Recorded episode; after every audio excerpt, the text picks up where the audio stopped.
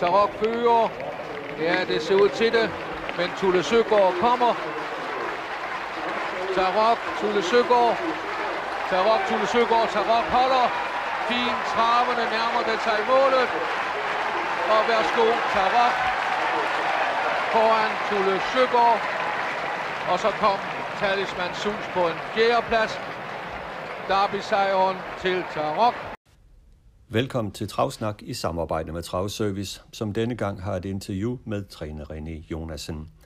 En ny dopingsag ryster hestevældesporten i Sydeuropa, og vi har set nærmere på denne. En rigtig hestemand har forladt os, og vi mindes Egon Nørlem og hans fine heste. I det nostalgiske hjørne tænker vi tilbage på Copenhagen Cup storhedstid, og så er de første heste til elite på trapperne. I ugens aktuelle med B.S. Dyrbær snakker vi Extreme og Bjørn Gub, Ponysport og tager et tilbageblik på ugen, der gik. Lunden træner René Jonasen leverer år efter år heste, som klarer sig godt i årgangsløbene. Sidste år lavede han Felix klar til derbyet, og i år har Jonas hele tre fireåringer, som alle har potentiale til at begå sig, hvor det er sjovt. I dette interview kommer vi ind på Felix, Skovbobanen, vintertræning og hvordan det går med Gucci Line, Gunpowder og Gibson. Travsnak har fået fat i træner René Jonasen til en snak om øh, nogle af de heste, han har i stallen. Blandt andet Felix og de her 3-4 års øh, heste, han har i stallen, som er bobler i overgangen. Og øh, Allerførst, René, så vil jeg gerne øh, starte den her travsnak med dig, med, øh, med at tage dig lidt tilbage til sidste år med Felix, øh, og det du oplevede med ham og din stald sidste år. tidligt på sæsonen med, med Felix, der, der sled han lidt med at finde formen og, og så videre, og hvad, hvad, hvad havde du egentlig af fornemmelse af ham på det tidspunkt? Jamen, det, det er rigtigt. Man havde nogle problemer med aktionen, synes jeg, det var i starten af sæsonen, og og han det, dårligt meget med halsproblemer, synes jeg, meget forkølet, og, og derfor blev han træt i løbet til sidst, og han tabte aktionerne, øh, da vi i hvert fald ramte sidste i flere af starterne, men vi fik ret op på det, da det ikke galt heldigvis. Ja, det kan man sige, men det var ligesom om, at øh, både Felix og nogle af dine andre heste, de begyndte at vise form på det der tidspunkt omkring øh, Derby, øh, hvor i Derby weekend, du havde jo en fantastisk Derby weekend. Øh, hvad var det, der gjorde udslaget, der de begyndte at finde formen? Ja, det, det var lidt, lidt samtidig, jeg var jo heldig i det hele, at øh, det, de blev friske alle hester, selvom det var ikke så meget sygdom, de har haft, men de havde selvfølgelig havde hængt lidt med, med hovedet, nogle af dem, men vi havde trænet på, og lige pludselig ramte form på dem, og de var glade, og hestene, så tænkte jeg også på, at jeg fik med til weekend, at det kan se godt ud, og de var klar hester, og ja, det var en fantastisk weekend, vi havde der. Ja, det kan man vist roligt sige. Der gik også uh, lidt snak om, at uh, du havde skruet lidt ned for træningsmængden, og måske at den vej også havde fundet lidt.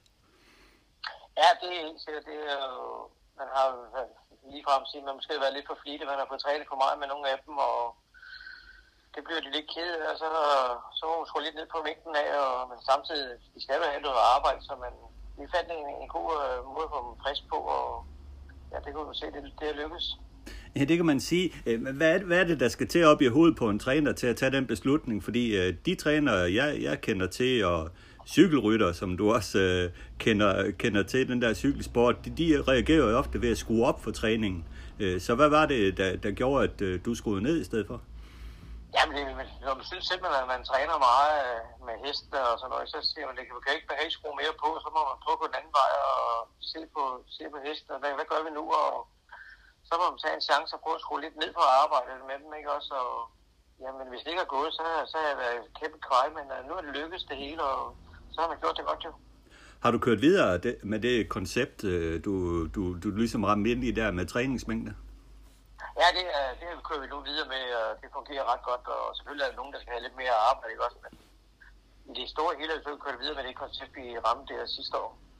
Der gik også en historie om, at Sten Juhl, han øh, ligefrem kontaktede dig for at høre, hvad, hvad du har gjort rigtigt. I træner jo begge to på, på Skovbo, er det rigtigt? Det er rigtigt, at da han tog fat i mig og siger, øh, hvad, hvad, der, hvad der gjorde ved hesten, og siden det går så godt, og jamen, det, er da, det er da dejligt, at han en mand, der holder øje med en, og jeg holder øje, også øje med Stefan, han træner, men vi gør det slet ikke på samme måde, og det sagde jeg også, at jeg kan ikke træne på din måde. Nej, man skal også finde ud af, hvordan man kan enes med hestene på, hvad måde man træner på, så nej, det var, det var meget hyggeligt snak. Jamen det er jo det. Det er vel også inspirerende, at, at, at øh, en, en som Sten Jul kommer og spørger dig om, hvad du gør. Ja, helt sikkert, det er meget inspirerende, og han holder øje med os, men han holder øje med mange ting, ham der. ja, det var derfor, han er dygtig. Ja, Men ellers, øh, I træner jo begge to på, på Skovbo, og øh, efter hvad jeg har forstået, så er det jo en 1000 meter bane, øh, som jo blev anlagt, der, ja, vi skal vel tilbage til 70'erne, hvor den blev anlagt, med, med store, fine sving og øh, en, en, øh, en okay dosering. Hvordan øh, oplever du Skovbo-banen? Jo, hvis det er en fantastisk skovbane at køre på og træne på, men nu er det jo ikke, bruger jeg selv ikke selve øh, 1000 ret meget i, i træning. Det er jo mest vores livebane, vi bruger meget på, på skovborgområdet, men selvfølgelig kan vi, når vi skal lige teste, teste lidt, så bruger vi 1000 men det er ikke så meget, vi, vi heater på den mere i hvert fald. Men hvis man tænker på den som en opvisningsbane, øh, hvordan vil den så stå sig i forhold til de andre baner, vi har her i Danmark? Jo, men det har jo fin dosering, altså det er meget fra, men det skal, skal rettes til og sådan noget, også, men øh, underlag og sådan noget, det er godt og blødt at køre på, så en kærlig hånd, så kan man godt øh, komme langt. Apropos en kærlig hånd, hvor meget trænger Skovbo-banen egentlig til af kærlige hænder for at, øh, ligesom at, at fremstå, som du gerne vil have det? Jo, selvfølgelig kan, kan jeg hurtigt pege nogle fingre på, at nu kan man gøre det og det, og rette tingene til, på at gøre det, og på at gøre det rigtig flot og på et tidspunkt, men lad os håbe på, at vi får finde nogle penge til det, og det bliver rettet frem til et rigtig flot øh, anlæg. Er det stallene, der, der, skal, der skal shines op? Øh, er der det, I skal... Altså træningsmæssigt, er der det, I har behov for der? Ja, det, det er helt sikkert. Der, vi har vores livebaner, det bliver vedligeholdt godt med grus, og vi har ridebaner, og vi har masser af folde, og det er, nej, det er, alle træningsfaciliteterne, de er, de er flotte, synes jeg, der er ikke noget brugt for der. Nej. Så det er stallene, der, der ligesom skulle gøres noget ved, hvis Ja, det... det, det, det er jo altid, man kan altid få sjakket nogle ting op, ikke også? Det ved man på nogle, no- nogle ting, der er 30 eller 35 år gamle, ikke også? Det kan man hurtigt se på det, ikke? Men de arbejder meget på at hele tiden at ordne tingene, og der skal males og kalkes og udvendigt og indvendigt, ikke også? Så, nej, det, bliver, det skal pynte hele tiden, når de tager fat. Så du er godt tilpas med at være Skovbo-træner og Lund-træner? Jeg er meget tilfreds med, hvor jeg står dernede, og ligesom man har sin egen store gård dernede, ikke? Så det er jeg meget tilfreds med. Ja. Igen, øh, så vil jeg godt lige tage dig lidt tilbage til så selve derbydagen, øh, hvor du er blevet træet med Felix, og, øh, og noget af det, jeg i hvert fald husker, jeg snakkede jo med dig flere gange på den dag, øh, og noget af det, jeg husker allermest fra den dag, det var jo, og faktisk også blev rørt over, det var, at jeg så din øh, far stå ved staldudkørslen med sådan et øh, væg-til-væg smil efter løbet, og virkelig udstråle stolthed over det, sønnen og, hesten havde bedrevet. Øh, det må betyde vældig meget for jer og jeres familie, den her tredje plads, fordi det er jo ikke altid, en sejr betyder alt. En god placering kan også betyde meget, når noget, man arbejder for, går godt. Det er da klart, det er noget, der betyder utrolig meget for, for mig og også min familie. Det er, de har også selv været med i travsporten altid, og de står på sidelinjen og følger med, eller sidder foran fjernsynet hjemme og hæpper på en, så øh, om man vinder eller bliver nummer to eller tre, så det, det får man altid en kommentar at vide. Hvorfor gjorde du ikke sådan? Men øh, det, det, er dejligt, dejligt med en opbakning her og derfra. Ja, det må du også kunne, kunne mærke helt ud, helt ud i, i solkien, når, når du kører der. Ja, det er da helt sikkert. Man kan da godt øh, mærke, at der kommer opbakning, og det skal det vel også nødt til den her sport, at hvis der ikke er noget opbakning på, på de hjemlige fronter, så er det ikke sjovt, at man altid er væk. Ja, det var det. Og den her tredje plads, tredje plads med, med, med Felix, det var måske øh, det, det bedste, du oplevede i hele sæsonen, eller hvad? Ja, det, det var et af de store, store øjeblikke, at få lov til at være med overhovedet med i David, og som det går til start, var til hovedet bare for at få en præmie med hjem, og, og nu blev præmien som en, til en tredjeplads, det blev selvfølgelig ekstra stor. Ja, det er jo det, og det er jo en hest, øh, du selv ejer, den her Felix. Er det lige før, at det er, ligesom Kaiser sagde en gang, men øh, om Meine Vel, det var hans pensionsopsparing? Ja, det vil jeg komme an på. Jeg vil håbe at jeg kommer til at leve længere inden øh, de her penge i hvert fald. Så, men det er, da, det er da altid sjovt at have en hest, der, der kan være med i de her løb, og så jamen, selvfølgelig er det ens egen. Det, det er da også sjovt, men øh, vi arbejder for, for at lave gode heste til vores hester. Ja, selvfølgelig. Selvfølgelig gør det. Altså, alle heste bliver pladset lige godt, uanset om det er ens egen eller andres. Det er jo klart. Ja, det er helt sikkert. Ja. Og nej, et, et, et tema, jeg også øh, har fulgt lidt op på her på det seneste, det er jo det her med øh, vintertræning og løbspause, hvad I gør med jeres øh, overgangshester. Hvis vi tager udgangspunkt øh, i øh, dine øh, tre års øh, sidste år, øh, hvornår begyndte du at tænke på, at de skulle have løbspause, og hvor lang tid skulle de have? Har vi omkring måske tre øh, heste, der kan være med i David, Gunpower, Gucci Line og Gibson. Og, jamen Gunpower, han blev sådan set trænet på hele tiden, at han kom til skade, så i 60 så vi måtte operere ham i et forknæ, så han blev sat meget tilbage, og det er også derfor, han ikke har haft så mange starter på banen, så lige der trænet på, og så blev han jo klar det sidste år og starte, og så han har ikke sådan gået rigtig på noget vinterferie, og, og de andre to, de fik lidt fred og ro i december måned, hvor de gik lidt motionstræning en gang med dem, og så i januar måned motionstræning endnu mere med dem, og så februar måned, så kører vi intervallerne på dem. Og hvad er vintertræning øh, i din stald? Jamen det er gået en masse langsomt. Det har gået en masse motionstræning langsomt, og, og gået lidt op på lidt bakke og hygget sig lidt. Og jeg har fået nogle kilometer i benene, og, så de var klar til at gå til intervaltræningen. Så det er måske lige så meget øh, det mentale også, at du, du tænker på øh, ud over det fysiske? Ja, det er helt sikkert. De skal, være, de skal også vide, at de skal være klar til træning. Skal synes, det er sjovt at begynde at træne. Ikke? Også, det kan jo ikke bare bare at køre hårdt på fra starten af. Det mener jeg ikke i hvert fald. Så de skal være, de skal være glade for at ligge og træne. Hvad giver du dem med intervaller sådan i, i vintertræningens øje med? Jamen det er i fra februar måned, så begynder de at gå deres intervaller hver femte, sjette dag, så det passer ind i programmet, og så føler du lidt på pulsen, og hvor der hvor langt nede de er, og vi kan skrue lidt op på det, og jamen, så lige pludselig synes man, de ser frisk og stærk ud, og så, så er de gået i banearbejde, skud til langt, har gået i bane, og har otte dage på starte, og så sagde jeg til egen, nu er vi klar, nu starter vi, og så, jamen, man må føle, føle helt og hvor det er hesten, jo. Jamen det er jo det. Øh, den der intervalbane, I, I har at køre på, hvor dyb er den? Hvor hurtigt kan I køre der, så det, så det passer med, med intervallerne? Ej, det, vi kører så vi 35-40 tempo. Vi kører ikke stærkere, så jeg har, jeg har et ordsprog, det er fart, der dræber dem, så vi kører ikke stærkere. Den er ikke vanvittigt dyb, så... Men det fungerer godt på den måde. Ja. Og inden øh, du så bringer den til sæsondebut, så vil du gerne give dem et øh, arbejde, kan jeg forstå? Ja, jeg giver lige luft om en gang, så det ikke er så tunge i røven, så man lige også ved, hvor vi har dem nogenlunde. Ja. Og hvis vi så går, går hesten igennem de der tre, du nævner, lad os starte øh, med Gucci Line. Den øh, fortalte du mig øh, sidste år på, på Derby-dagen, at den havde du rigtig store forventninger til. Hvordan er de forventninger indfriet indtil videre? Ah, ja, vi er indfriet øh, over alt forventninger. Der gik lidt grus i maskineriet her i byen. Øh, taktikken havde jeg fået lagt på forhånd, at jeg ikke skulle køre noget, men så blev det forkert det hele, og så fik jeg kørt lidt hårdt med den, og skulle jeg på at bakke en ryg, så slog den over på en galop der, lige tog lidt hurtigere, men hest var jo topfint for dagen, så ej, han går jo nok en stor sæson i møde, synes jeg. Ja. Øh, hvor, hvor, hvor god er han, øh, tror du? Hvordan øh, kunne du mærke, at han er god?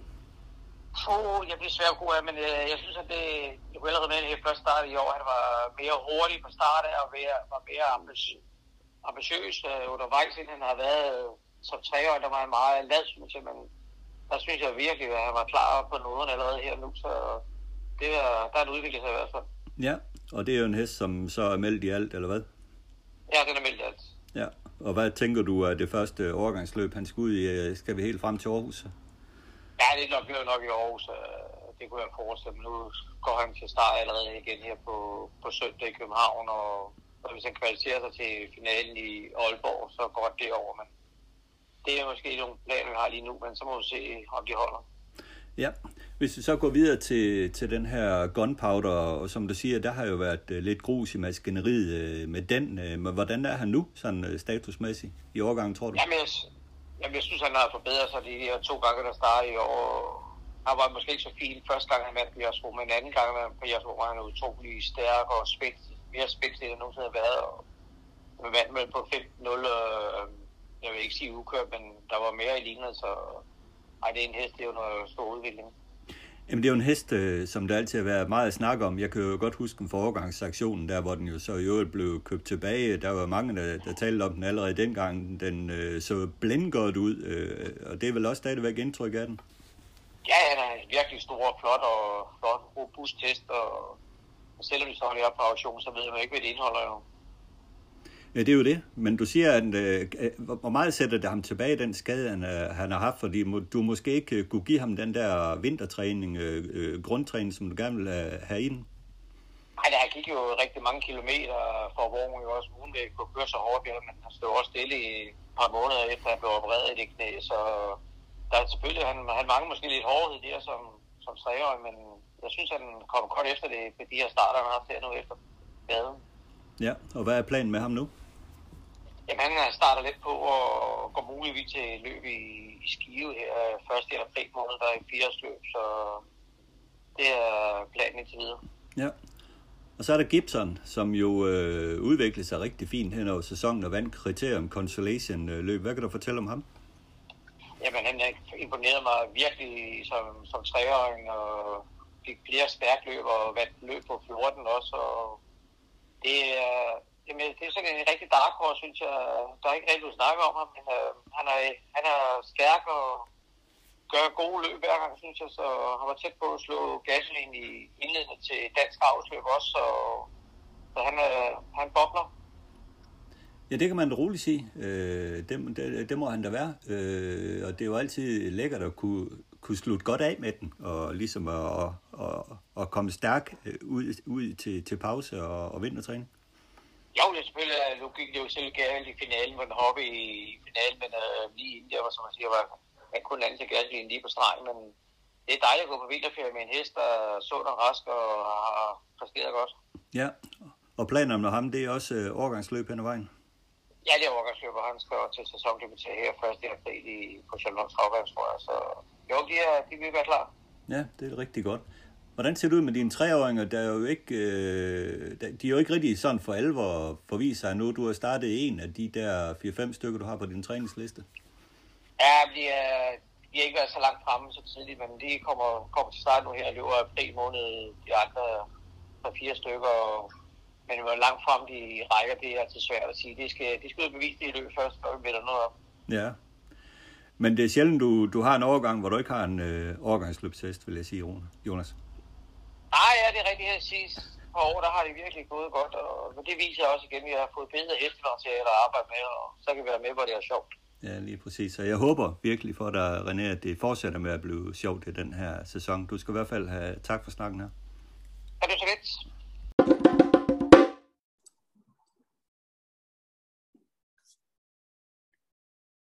Efter dette interview med René Jonasen skal vi videre i teksten, Carsten, men vi kan da godt dvæle lidt ved, ved Jonas til at starte med. Han er jo en træner, som er rigtig dygtig til at lave de her overgangsheste, og han er også god til at køre andre heste. Blandt andet har han jo stor succes i øjeblikket med øh, uh, Glad nok, som jeg tror, han har vundet 10 sejre med nu i, i 12 starter i hans hænder. Ja, René Jonasen har jo virkelig fået gang i vindene her øh, de seneste år. Tidligere var det jo lidt ældre heste, han især havde succes med. Men, øh, men nu er det unghestene, der nærmest strømmer frem fra ham, øh, og, og det er jo utrolig positivt. Og han er jo en, en glad og altid meget imødekommende person, øh, så det er dejligt, at han, øh, han får noget succes og har noget succes. Ja, vidderligt, og han er meget ihærdigt. Når jeg har ringet til ham, så har han normalt altid været ude at køre heste, og lidt svært at få fat i. han er altid i drift, øh, Jonas, der, og øh, ja, han arbejder for sagen og gør det godt. Ja, men ellers det, vi skal tale om her allerførst øh, i vores snak, øh, det er jo den her dopingsag, som er begyndt at rulle op ude i Europa. En dopingsag, der har forgreninger i Frankrig og Italien og i Spanien, hvor angiveligt to bagmænd, en i, i, en i, i Spanien og en i Italien, har stået for at distribuere dopingstoffer ud til nogle trænere, opdrættere, hesteejere osv. i andre lande, blandt andet øh, to franske trænere, som er i Superdagen, Karsten. Ja, nu, nu øh, ved vi jo ikke helt, øh, om der skulle være 10 som øh, er involveret, og det, nu taler vi altså både om trav og galop. Og så er der så de her forgreninger øh, op til Baskerlandet, øh, og Baskerlandet det regnes så øh, som lidt, lidt spansk, Øh, og, og det er en dyrlæge deroppe, og i Italien det er også nok en, en dyrlæge, som, øh, som, som er involveret. Men endnu er det jo meget lidt, vi ved om det, udover at øh, der er nogle kendte navne øh, fra, fra Frankrig. Øh, øh en af de trænere, Yannick øh, Alain Briand, som jo år efter år ligger helt i top med hensyn til antal sejre. Han er jo øh, arresteret, og det samme er Junior Guelpa, manden, der er jo kendt med øh, for hans kørsel med øh, Kesno. Øh, han er også arresteret, øh, og de skal øh, torsdag for en, en dommer, øh, og så må vi jo så se, om de kommer på fri fod, eller om, øh, eller om øh, de stadigvæk er øh, under øh, mistanke og, øh, og udredning. Ja. Der er også en galoptræner, øh, David Coton, som, øh, som især har gjort sig, eller som er inden for forhindringsløbsporten, og han har endda en anden sag også med, med voldtægt, så, så det er en person med lidt blakke ry, må man sige. Men det kan man roligt sige, øh, hvis vi øh, taler lidt om de der to franskmænd, som vi kender mest til. Ja, så Junior Guelpa, som du siger, bare kan nu. Jannik Alain Briand, en træner, han har været træner siden 82, øh, står noteret for 3500 sejre, øh, er år efter år med op i toppen øh, i Frankrig, hvad angår sejre. Han har ikke de store stjerner i sin stald, men han starter rigtig mange heste, mange klasseløbsheste og så videre, og har, har gjort det fint med dem. Det, men for, for os her i, i Skandinavien er han jo ikke et specielt kendt navn i forhold til Junior Guelpa. Overhovedet ikke, nej. Øh, han, øh, han holder jo til nede sydpå, øh, hvor han jo så er, er stjernetræneren der, men det er jo lidt trist, hvis det er på baggrund af, af, af forbudte medicamenter. Nu skal vi jo ikke glemme, at, øh, at fransk travsport og også fransk galopsport øh, tager jo utrolig mange øh, dopingprøver, både i forbindelse med løb, men også under træning.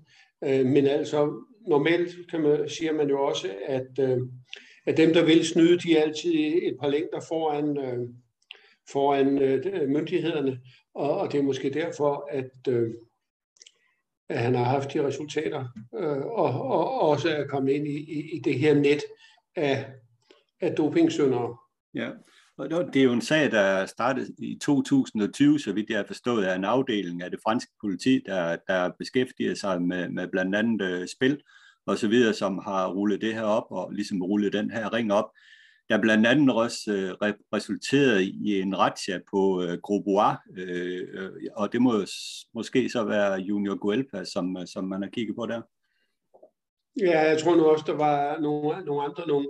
Og, og der har jo også været razzia ude på øh, omkring galopbanen Chantilly, hvor, hvor de store træningscenter for, for galopsporten, både flad og, øh, og, øh, og forhindringssporten, at de, at de holder til. Ikke? Ja.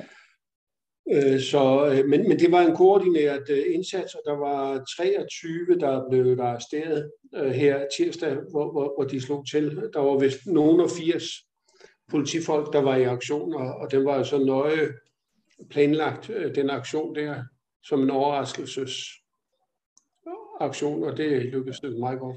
Ja, det er jo det, og øh, som jeg har forstået, så har det også både været veterinær og sågar også en apoteker, der har været involveret i alt det her, så det er jo givetvis øh, været øh, en, øh, ja, en dopingring, kan vi jo godt kalde det, øh, som man, man har rullet op her. Og øh, spændende at se, om den har andre forgreninger. Ja, øh, ja, det er jo øh, især meget interessant, og så kan man så ikke lade være med at tænke på, at det svarer jo lidt til, hvad, hvad de, de, de sager, der har været i USA, og som der stadigvæk er under udredning med de store amerikanske øh, øh, galoptrænere og også travtrænere, og så den her øh, veterinær, øh, som Fish, Fishman, tror jeg, han hed. Ja, så Fishman. Men, lige, men jeg vil sige, det er jo glædeligt, at, at det kommer frem, fordi det har jo også en, en kæmpe stor afskrækkende virkning øh, over for dem, som eventuelt er indblandet i noget, og måske endda påtænker at øh, benytte sig af doping. Sådan sager sag her, de kommer jo også til at virke meget præventivt, det håber jeg. Ja, øh, faktisk var der en træner, der for i fredag øh, vandt på Angien, og, hvor, og, og i, i vindercirklen, så sagde jeg, at det var så min sidste start og sidste sejr, fordi jeg gider ikke at være med til at, at deltage i en sport, som er så, hvor der er så mange, som, som doper deres heste. Øh, og, og det var jo lidt opsigt, men der var jo ikke rigtig nogen, der, der, der tænkte, hvor, hvor, hvor meget ret har han i det før nu her øh, tirsdag, hvor man så slår til mod, mod dopingringen. Nej, lige præcis, og, og virkelig spændende at følge den der sag, og øh, det følger vi selvfølgelig med i.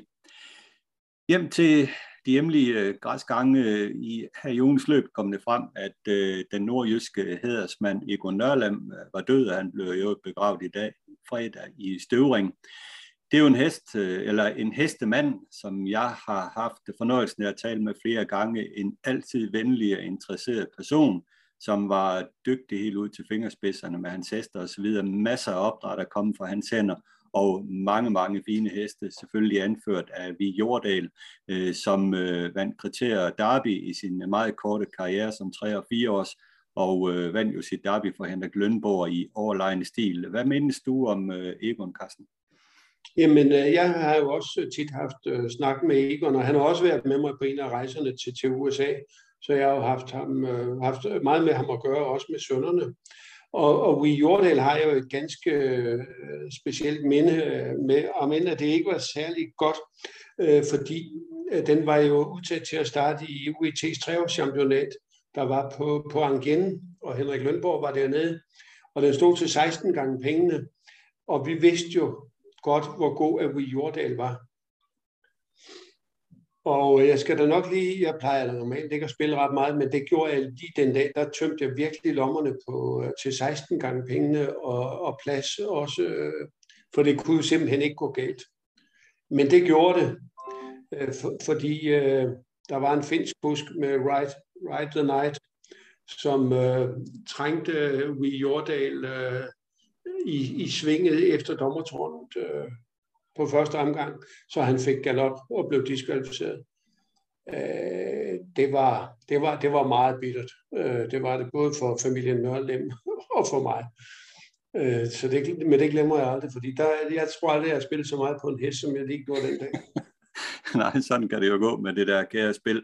Men han var en fantastisk hest ved Jordal og øh, afsluttede sin karriere, karriere med en anden plads på Bjergeaksel til Jensens mindeløb, inden en satte stopper for... Men, men ellers så øh, havde øh, Igor Nørlem, Nørlem havde også meget fornøjelse af Face Jordal, som jo var en skøn hoppe, havde jo en lidt øh, speciel far i den der Brummel, som var en Florican hængst, som nok på grund af paydirt var blevet importeret og den, fik vel ikke, øh, den havde vel ikke det allerbedste ry, men Face Jordal var jo en vidunderlig hoppe, som, øh, som Egon Nørlem havde. Og så var han jo i øvrigt den første, der vandt, øh, han vandt jo indvielsesløbet på, på Billundtrav med Mike Jordal i sin tid også.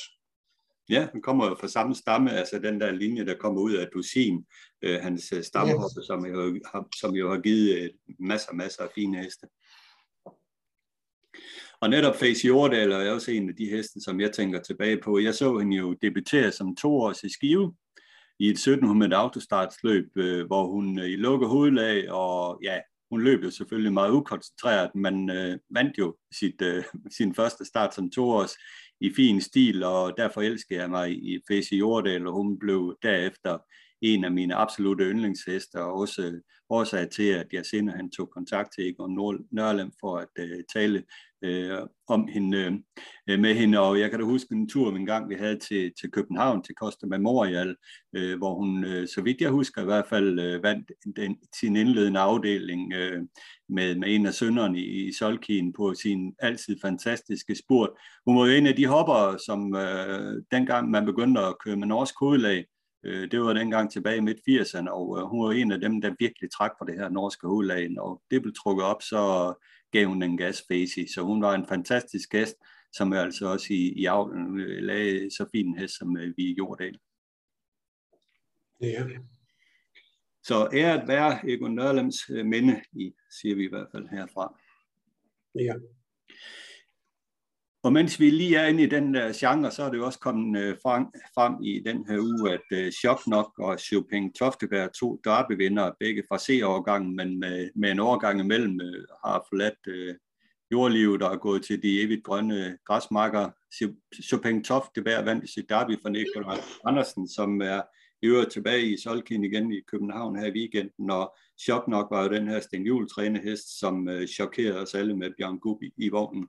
Og den er, jeg var set, så, så Penge Tofteberg øh, blev med af dage, så var det skader, der, der satte en stopper for Chok Noks øh, yderligere fremtid. Ja. Øh, Chopin Toftebjerg fik jo en pæn karriere, øh, men ikke nogen fantastisk karriere sidenhen. Øh, og man kan jo sige, at Chok nok jo var nok ja, det, det var den hest, der til synligheden lige var bedst på, på dagen. Men det er jo ikke en af de derbyvinder, der går over i historien som, som noget specielt. Det må man jo sige. Øh, nej, det må man ikke sige. Altså, det var jo en kombination af, af omstændighederne øh, den dag, at den øh, øh, kunne vinde det der øh, derby. Det, det er der vist ikke øh, så meget øh, tvivl om. Øh, med, og Bjørn Gup, han kørte jo et, øh, et brilliant løb. Øh, den, der nok husker løbet allermest, det er Jeppe Juhl, der var inde med Cool Shadow.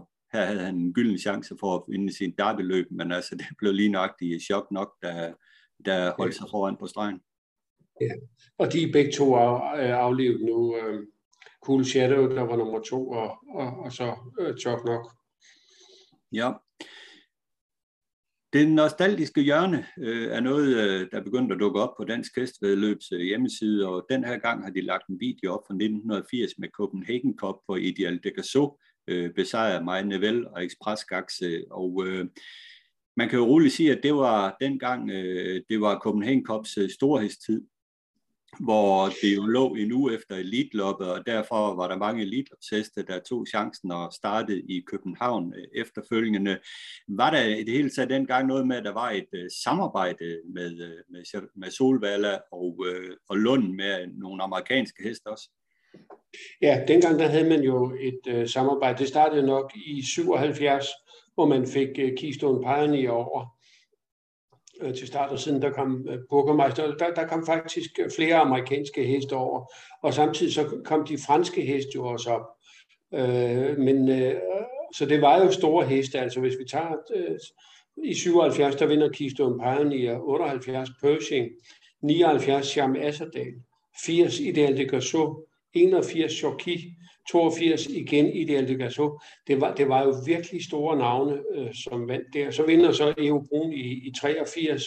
I 84 har vi nu tænkt det i Signita senere hen, hvor det også vinder øh, ja, VM. VM.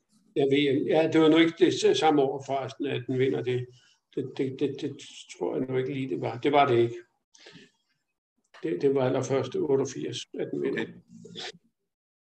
Men, men det, det, det fjerner ikke det her med, at det var virkelig en storhedstid dengang for, for Copenhagen Cup, og den der startliste, der rullede sig op i 1980 med Ideal de Gasso, Express Gaxe, øh, som havde spids undervejs i sin fantastiske stil med Tarok udvendig, og øh, der var Mustard, der var med, og Shoki, som øh, galopperede et angreb i opløbet, men senere vinder løbet.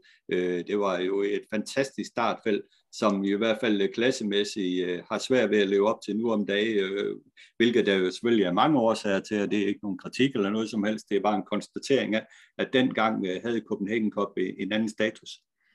Ja, og så var det jo øh, sjovt set ud fra dansk øh, synspunkt, at Meinevel kunne følge sin anden plads op fra elitloppet øh, her i, i Copenhagen Cup også, og de, de kom jo sådan set i mål, øh, eller han kom jo sådan set på, på anden plads efter, efter samme slags kørsel øh, i, i begge løb, nemlig i rygløb og så ud til slut.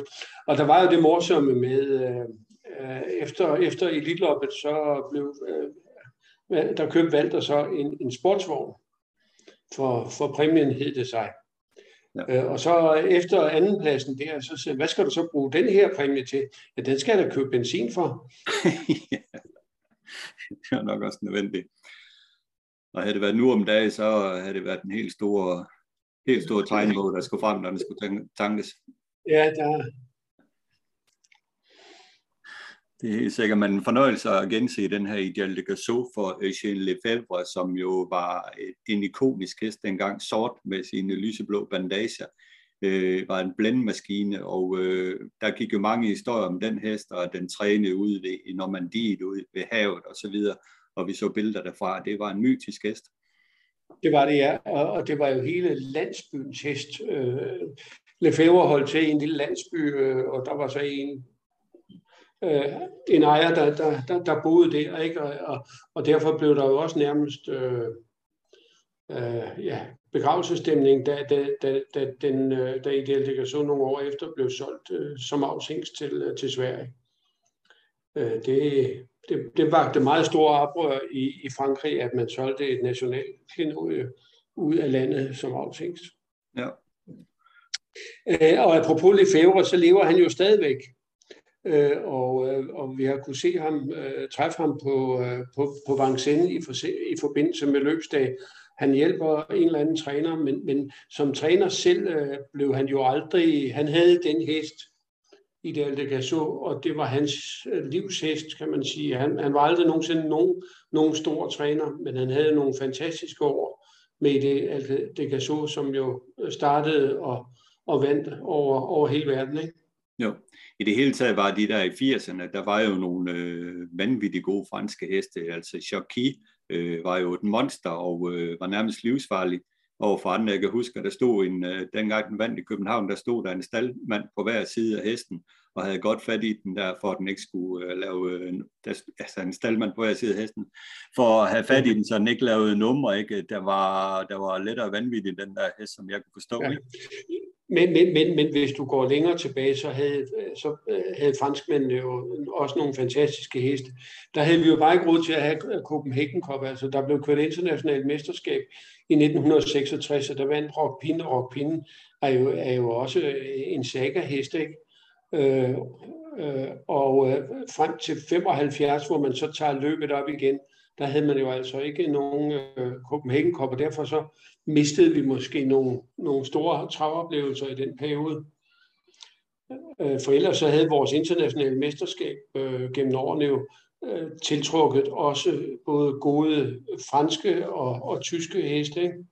Jeg kan da huske, nu jeg sidder og kigger på, på, på, øh, på, vinderlisterne. I 1962, der vandt Eidelstetter med Johannes Frømming, og det var, jeg kan huske, det var en brun, meget elegant travende hest. Og i 64, der vinder Elaine Rodney med, med Gerhard Kryer, det var jo, det var jo også det var sådan en stor øh, Rodney-hoppe, øh, som, øh, som jo sidenhen øh, blev, ja, den var så blevet solgt til, øh, til Europa og, og havde stor succes her. Så havde vi så Rock Pin i 66, øh, som vinder med Jean René Couchon. Ja ja, det er igen, når vi falder i øh, krukken her med honning, og det nostalgiske hjørne, så kan vi jo blive ved og ved og ved, øh, Karsten, men øh, vi må, vi må nok stoppe her og så afvente øh, det næste øh, videoklip, vi kan tale om i den nostalgiske hjørne i, i næste uge og tage den op der, men øh, i hvert fald kære gode minder omkring det her Copenhagen Cup, øh, som det var engang der i 80'erne. I ugens løb er det kommet frem, at øh, man øh, her til den kommende gulddivision øh, vil prøve fra Svensk Travsport at indføre en karantænestal, således at hestene, der starter i gulddivisionsfinalen på, på søndag på Solvalg, skal være i stallen, øh, eller på lørdag, selvfølgelig på Solvalg, skal være i stallen, stald i karantænestallen fredag aften øh, inden løbende, så i hvert fald hesten i minimum med 16 timer i karantænestallen, inden den skal starte. Og øh, det er jo synes jeg i hvert fald i mine øjne, den fuldstændig rigtige måde at gøre det på. Altså det gav jo ikke rigtig noget mening sidste år, hvor man forsøgte sig med fire timer før start. Øh, det giver ikke nogen mening. Men det her, det giver stor mening, at man indfører karantænestal øh, med, med, at hestene de skal være øh, under opsyn 16 timer før start. Et, øh, et øh, nyt tiltag øh, herhjemme i Skandinavien, men noget, som man har kørt med i flere år i USA. Hvad siger du til det, Carsten? Ja, altså man kan jo sige, det er jo, det er jo et led i den her dopingstrategi, man har, at man, øh, at man laver øh, sådan en karantænestand på, på, på forhånd. Så, så det er vel okay. Ja, øh, selvfølgelig også noget, der koster rigtig mange penge øh, at, at lave det her, og øh, det betyder selvfølgelig, jeg ved ikke, om det har jo været fremme med en debat om, hvem der egentlig skal have udgiften øh, til de der oppas og videre, der skal være med, og at være sammen med hesten i så lange perioder, og hvordan det skal, hvordan det skal køre, det er ikke rigtig kommet, kommet frem til nu, hvordan det, det skal foregå, men det koster mange penge at lave det her, men, men et godt tiltag, øh, men øh, kan vi forestille sig, at øh, vi gør noget lignende hjemme, i, for eksempel til Copenhagen Cup?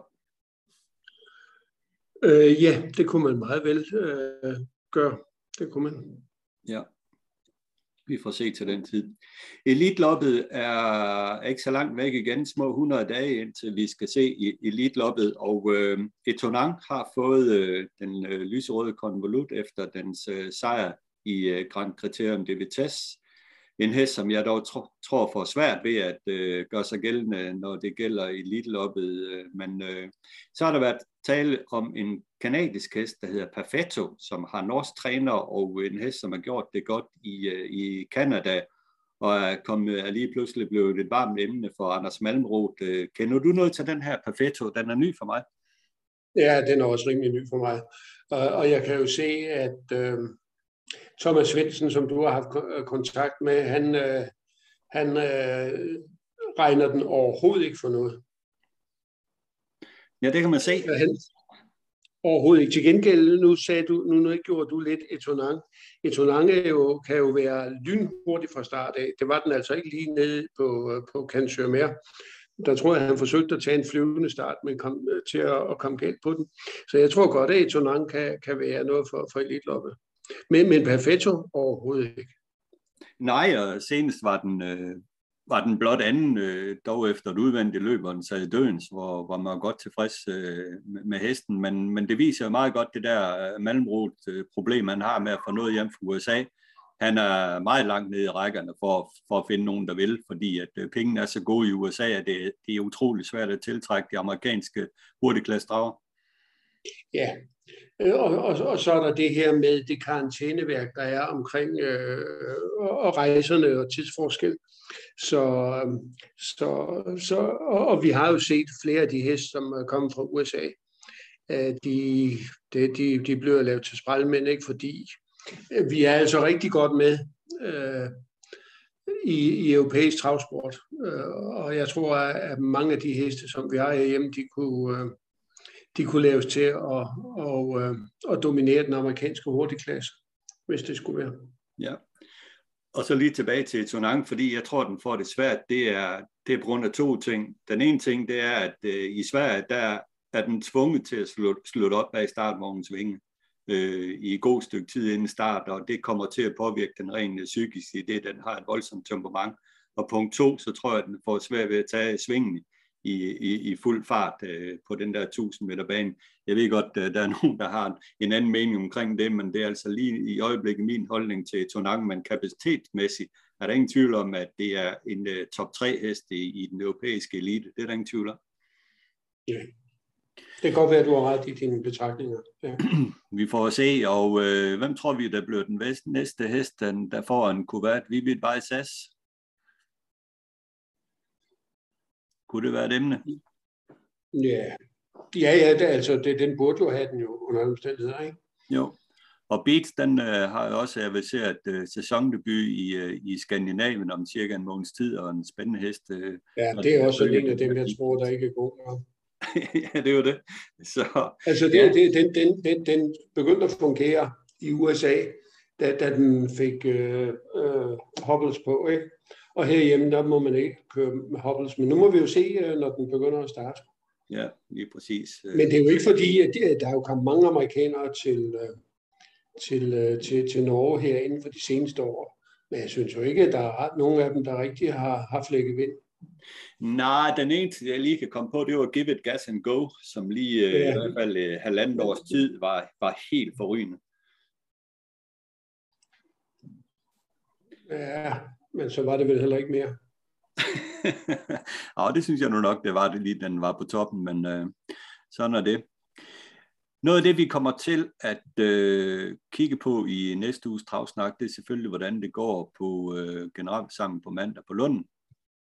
Og øh, så er der også den her Propulsion-sag, som, som i øjeblikket øh, er, er under afvikling her i, i Sverige.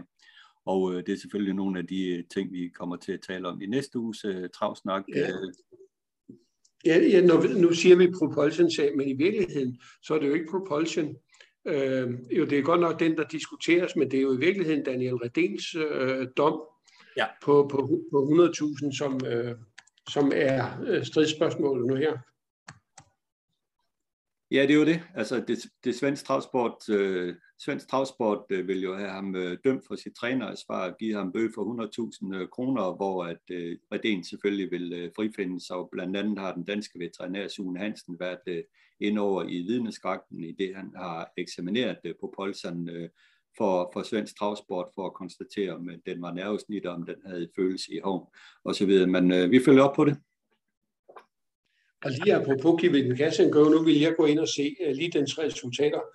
Hverken på den svenske eller den norske side, der kan man se det. Det eneste, jeg kan se, det er, at den er eksporteret til Italien i 2022. Men alle resultater forsvinder for, for en hest, uh, når, når, når, når den går ud af, af, af et system. Det, det synes jeg ikke er rigtigt, men uh, sådan er det. Det er meget irriterende. Det kan man sige. Men uh, Carsten, tak for, for snakken i dag. Så får jeg her et afsnit af så Dyrbær, hvor vi snakker ponytrav og ugens resultater i ugens Tak for det. Selv tak.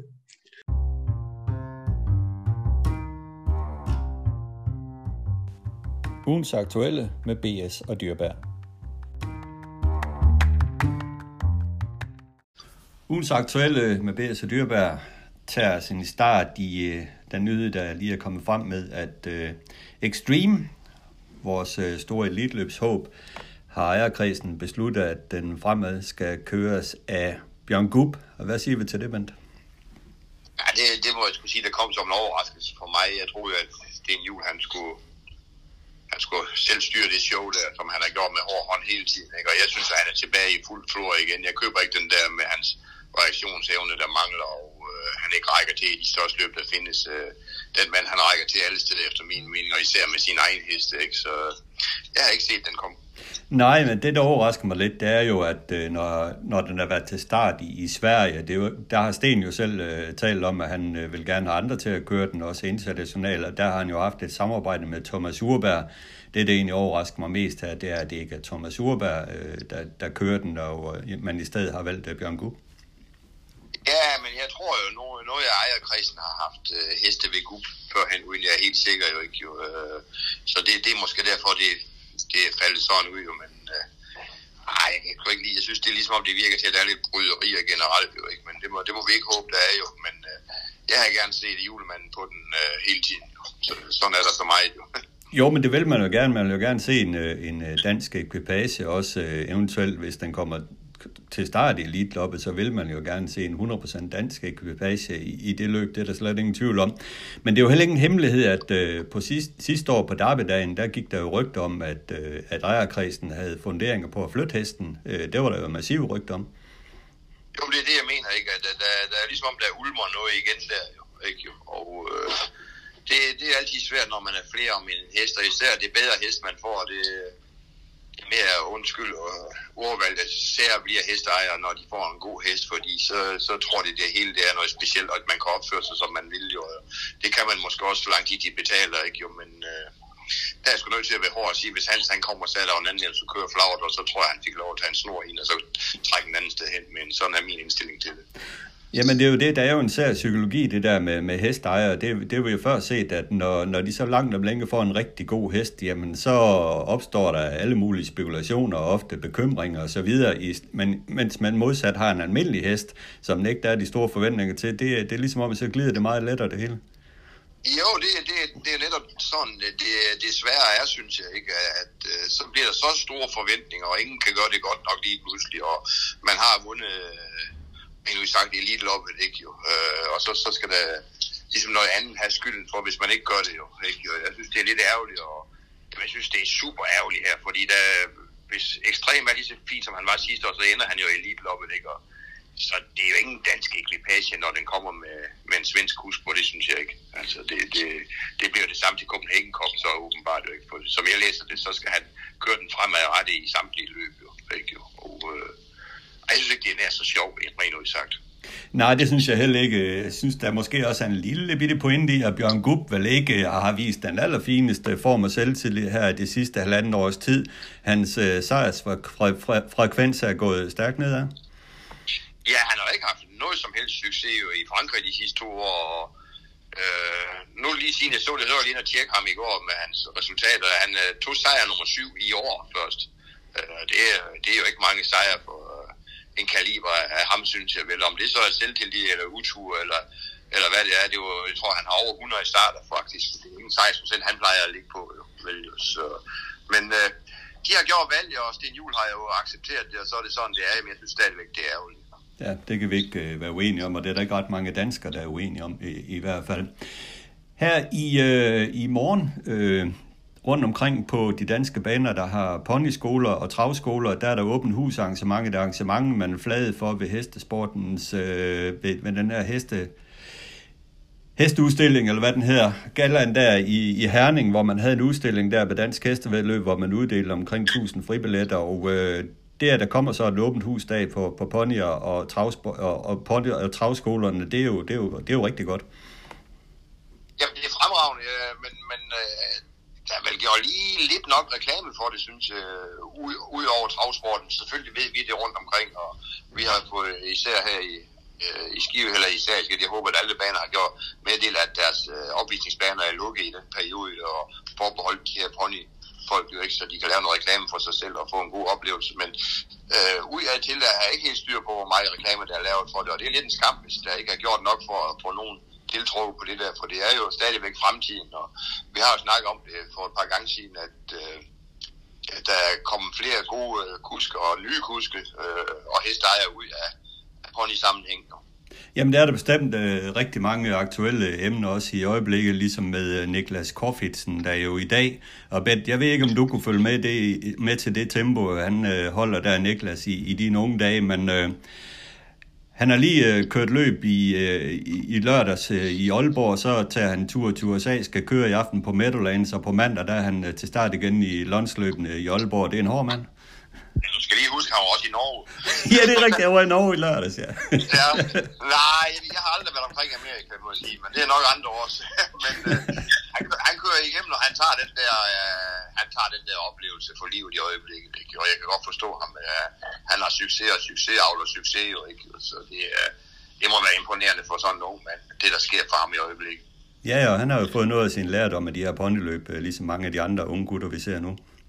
Jamen det har han kommet derfra også jo, ikke? Så det, nej, det, det skal der virkelig slås igennem på, ikke? For vi mangler jo nye folk i sporten, ikke? Det er jo, øh, det, det er jo ikke Sten Juhl og Gunnar Eriksen og Ben Svendsen og hvad de her i den årgang og Bjørn Jørgensen med os, der, der er fremtiden jo vel. Det, det er jo efterhånden fortiden jo, ikke? Så vi skal have nogen i gang. Ja, men tilbage til det der med at reklamere ordentligt for det. Nu tog jeg lige en surf rundt på de forskellige danske baner, og det er virkelig meget forskelligt, øh, hvad de bringer reklame for den her øh, dag i morgen hvis man lader den går til, til Lundens hjemmeside, så viser det ikke noget som helst om, at der er en, øh, den her dag i morgen åben hus på Lunden, og hvis man klikker på linket til deres øh, ponytravskole, jamen så virker det link ikke. Altså det, det er jo dybt uprofessionelt. Og øh, der er også mange andre baner, som, som ikke har styr på det her med, at det egentlig får reklameret for den her ponytrav. Det, det undrer mig lidt, fordi jeg, jeg kender jo det der system på dansk hestevedløb, og jeg ved, at det er meget simpelt at fordele den her nyhed rundt på alle øh, landets øh, baners øh, hjemmeside, så der er noget, man kan tage fat på, tage fat på der jo, i hvert fald med at kommunikere. Jo, lad mig sige, generelt synes jeg, at mange paner er bagud på hjemmesider med at få dem opdateret. Det, det hele det kører efterhånden på Facebook, og det, det er selvfølgelig også godt nok, jo, ikke? men, men uh, de har nogle gange nogle hjemmesider, men de er jo slet, slet ikke opdateret uh, fremadrettet, synes jeg, og det er en skam. Jo, men altså Facebook er også fint nok, så længe øh, man, øh, man får feedet, at man er, man er venner med dem og så videre. For ellers så opdager du ikke, at der er noget. Nej, det er, det. det er netop det, jeg mener. Ikke? Så, som du selv siger, man, man burde gå, øh, gå ind på deres respektive hjemmesider, så skulle de ligge på forsiden, hvad der skulle ske i morgen rundt omkring. Jo, ikke? Men det gør der desværre ikke alle steder. Jeg ved ikke engang, om de gør nogen steder på hjemmesiderne. Det har jeg ikke selv tjekket.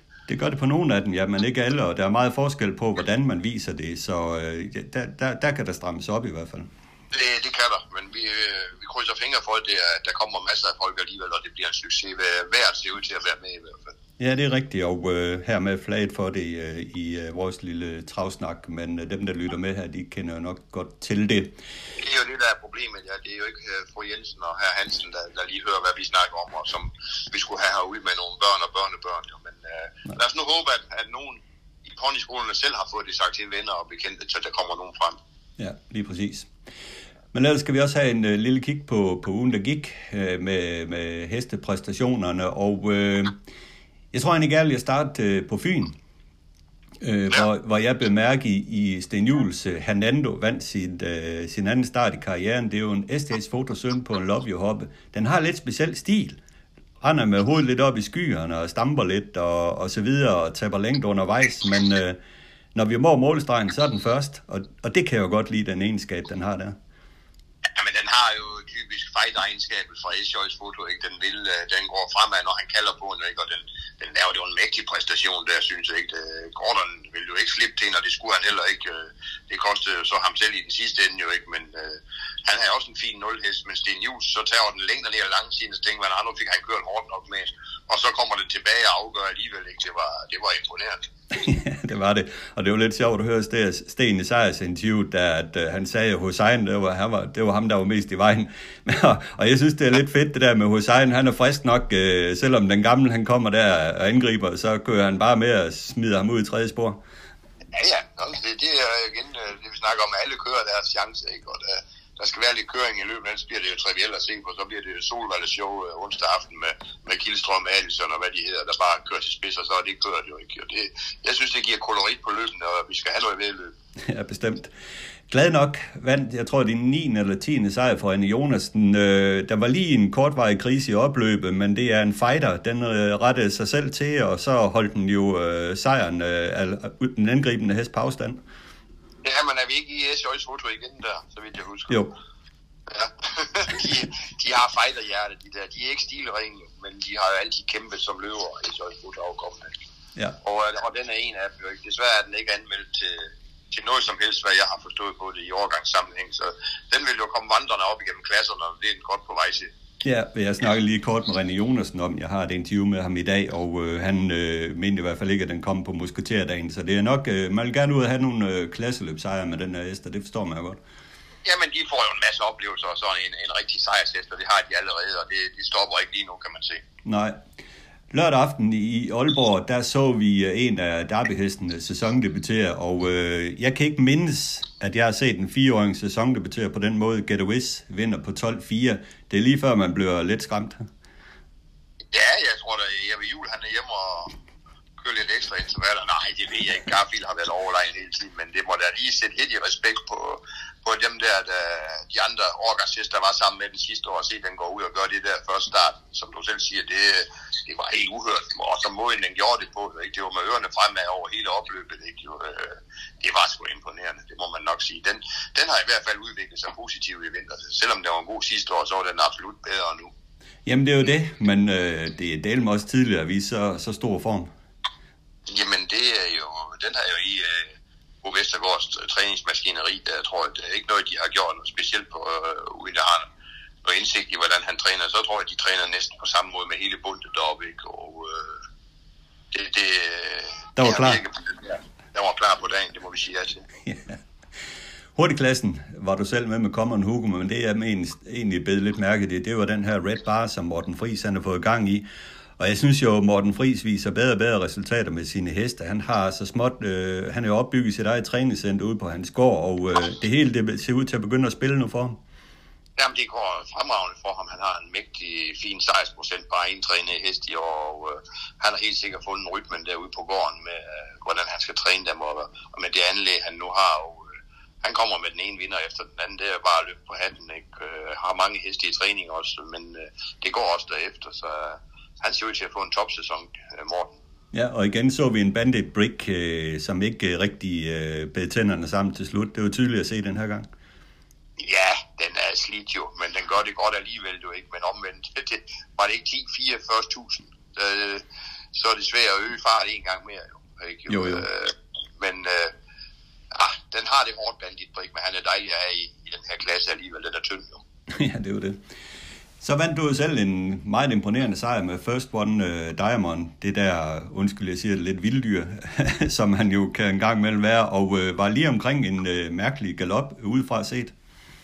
Ja, altså jeg havde jo først og fremmest bestemt mig for at i hvert fald ikke fyre direkte på vingen der med ham, og det gjorde jeg heller ikke, og havnede jo faktisk ned i ryg på Frans Jæger der rundt første sving til, til det, det her anden par udvendigt, men bedst som jeg lige sagde det, så rullede han over i pasgang, og ja, så flyttede jeg ham ud, fordi så er der ikke noget, så skal man have i galop, men han satte sig jo i trav øh, næsten inden jeg var kommet ud til hegnet der, ikke, og så tog han i, som han plejer og så var der kun én vej jo, ikke, jo, at, at han så holdt hjem den her gang, det var imponerende, ikke, jo, den, den vandt ganske let, jo, altså det, det er en frygtelig hest, jo, men det har jeg ikke helt styr på. der, der er lidt at file på endnu. Ja, det er der sgu, men øh, vi har ligesom i hvert fald, nu har vi fundet ud af at kunne træne ham. Jeg ved ikke, om man lader mærke til, at jeg kørte med, Maria kørte en hest foran ham med sådan et, et net på ryggen, ikke sådan en slags startvogn, hvor man kan køre ham helt uden han rører bilen, og det er jo en kæmpe fordel for hesten, at han ikke bruger kræfterne i opvarmning og i træning, for han, øh, han har været lige så bred i træning, som man ser ham i løb. Så det, det vil jo altid give, give udfald i bedre præstationer i løb, når han ikke har brugt kræfterne forkert, og frem for alt har han været nem at, at ødelægge munden på, fordi han ligger så hårdt på, at bilen det laver huller. Øh, og det undgår vi nu, så jeg tror faktisk, at han vil komme i bedre og bedre udgaver fremover. Jamen det er jo klart, at når den ikke er ondt øh, derved, så er det jo også en chance for, at den bliver mere normal. Jo, og det er klart, øh, øh, hvad hedder det, hissigheden og galskaben i ham, det er jo lidt fordi, der er de her små sår i munden, ved man har så hårdt ved ham, og, og kan vi undgå dem, så vil han måske også blive finere i temperamentet, og så får vi jo vældig stor glæde af ham. Han har jo overlegen fart i hans klasse i øjeblikket. Ja. En mand, jeg også gerne vil øh, løfte frem, øh, det er jo Søren Demand Andersen, den øh, fynske amatørkus, der vandt løb i Aalborg og to løb fredag på Fyn. Han gør det godt. Ja, han har hele tiden været en rigtig dygtig amatør, synes jeg. Forvalter de der chancer, han får både sin egen hest og gæstetur på en rigtig god måde. Han er en af de amatører, der har rigtig god kør hen og, og, og får maksimalt ud af turene hver gang. Så ja, han er en fornøjelse at se en sulke. Det er han i hvert fald. Men det var lige som det, jeg havde i julens løb i tankerne. Har du noget at tilføje? Nej, jeg går jo og venter på, om jeg måske kan vinde rutineløbet i dag her i Skive, når inden vi ligger på. Det håber jeg, jeg kan. ja, det er jo i dag, vi endelig skal få lov at se øh, Flagert i rutineløb, og det glæder vi os til. Ja, det gør vi alle sammen. Det bliver spændende. Det gør vi. Tak for snakken. Ja, tak. Tak fordi du tog dig tid til at lytte til Travsnak i samarbejde med Travservice. Har du input, idéer, kritik, ros, ja hvad som helst til podcasten, så giv mig en mail på adressen henrikdyrberg